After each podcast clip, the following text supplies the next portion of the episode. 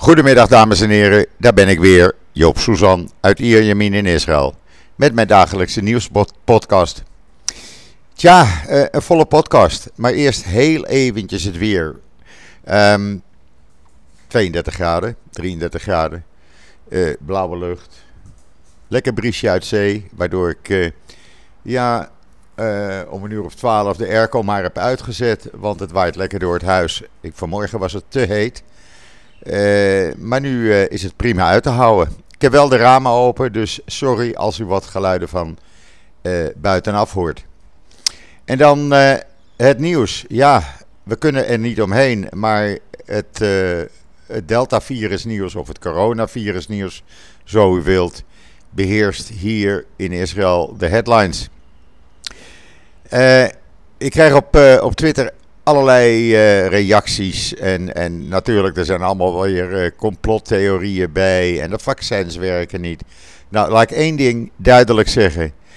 Uh, juist door de vaccins zijn de gevaccineerden die toch de Delta-variant daarmee besmet raken. Die hebben slechts lichte klachten. Moeten wel in quarantaine, maar hebben lichte klachten zoals keelpijn, hoofdpijn, wat vermoeidheid. En die zijn na een paar dagen weer uit quarantaine. Dus het vaccineren, ja, het helpt wel. Ondanks dat er wat risico's aan zitten, maar daar kom ik zo dadelijk op terug. Het is wel zo dat uh, die besmettingen hoofdzakelijk bij jongeren plaatsvinden op dit moment. Natuurlijk, jongeren zijn uh, het minst gevaccineerd. Er is nu ook uh, ja, druk vanuit de overheid aan ouders. Laat je kinderen vaccineren vanaf 12 jaar nu het kan. Uh, dezelfde vaccins die uh, de Palestijnen terug hebben gegeven trouwens, die worden daar nu voor gebruikt, want die zijn gewoon goed.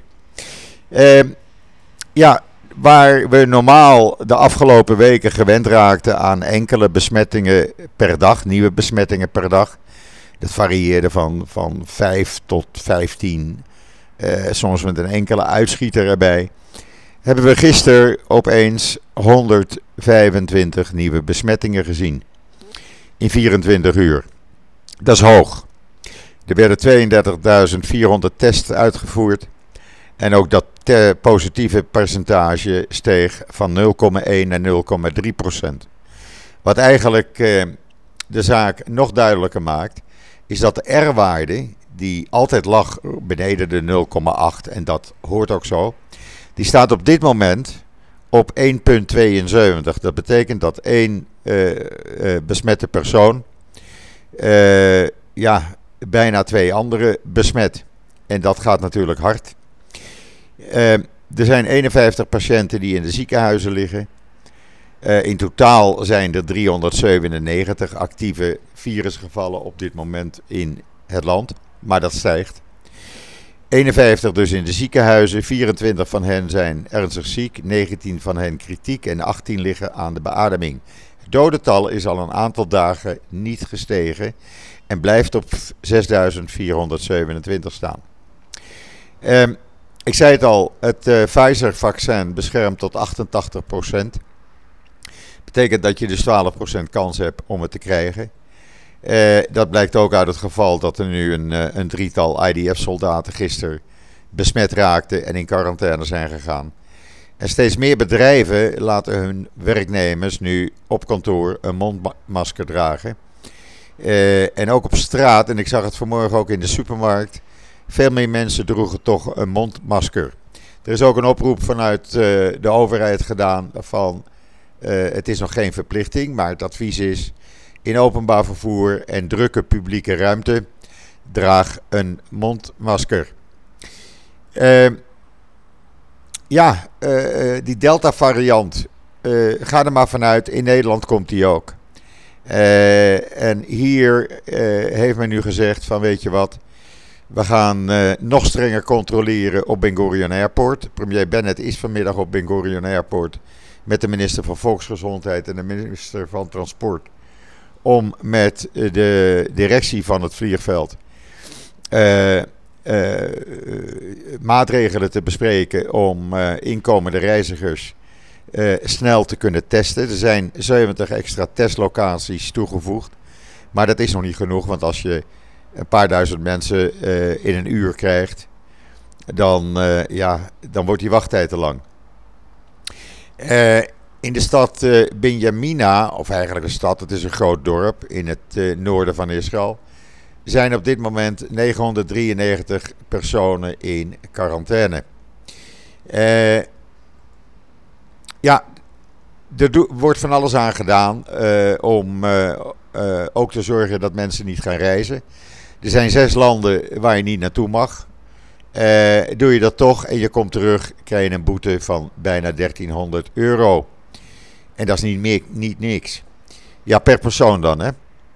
Daarnaast worden ook, er zijn 250 politieagenten vrijgemaakt om mensen die in quarantaine zijn te controleren dat ze ook werkelijk in quarantaine zijn.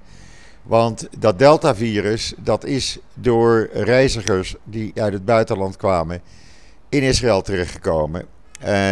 Die mensen hielden zich niet aan quarantaine, kinderen besmet en ja, dan, uh, dan gaat het hard.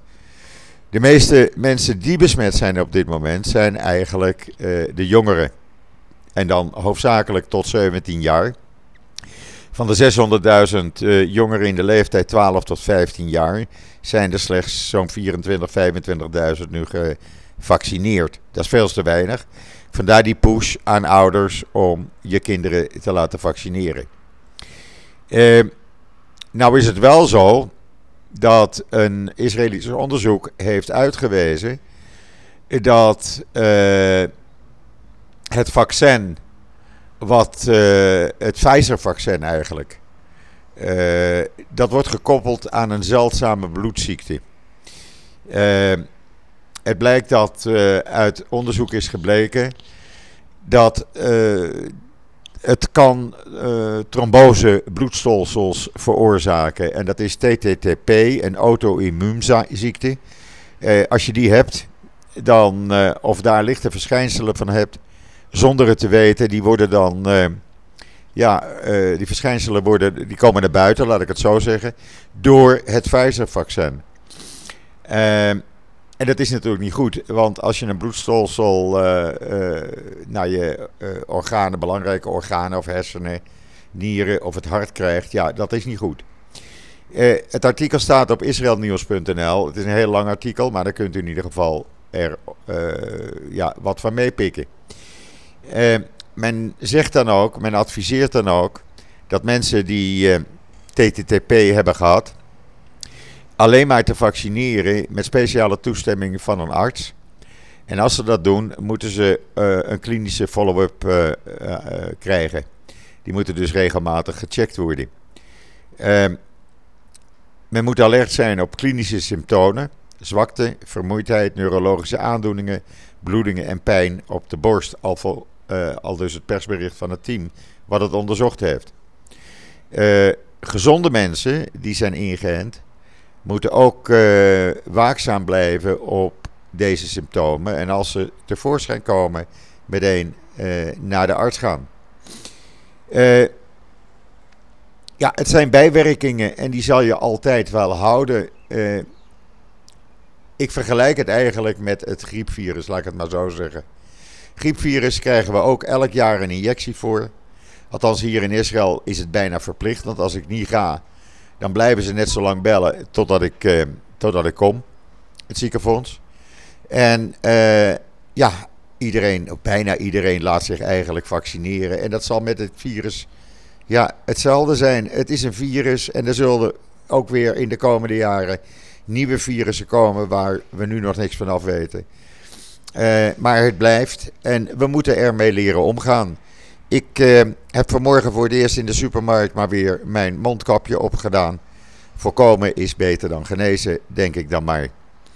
En ik sta nog in twijfel. Ik moet morgenavond naar een, uh, ja, een familiefeest bij Jeruzalem. daar komen over de 100 mensen. ik heb gevraagd of er jongeren zijn. Ze zouden me dat nog laten weten. Maar ik twijfel om daar naartoe te gaan en denk dat ik beter thuis kan blijven voor de voetbal. We zullen het zien. Ja, en dan uh, gisteravond was er uh, dan een belangrijke diplomatieke aankondiging van ex-premier Netanyahu, nu oppositieleider. En die kwam met de mededeling dat Lapid, de minister van Buitenlandse Zaken, Israël in gevaar brengt door met Amerika te coördineren voor wat betreft Iran. Hij had een heel verhaal. Uh, dat hij alleen de enige was die uh, tegenstand bond, bood aan Amerika. En deed wat hij vond dat goed was voor het land. Maar ja, dan krijg je natuurlijk kranten die met allerlei bewijzen komen. Ehm, waaruit blijkt dat Netanyahu eigenlijk een overeenkomst heeft afgesloten met Amerika. Om Amerika op de hoogte te houden van elke actie die Israël van plan is tegen Iran uit te voeren. En waarom? Nou, Amerika is een soort veiligheidsgarantie, een soort schild voor Israël.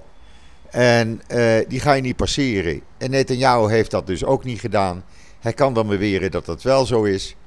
U kunt in het artikel wat uh, op Israël Nieuws staat, israelnieuws.nl staat, kunt u het hele verhaal lezen met een link naar het, een artikel in de Times of Israel.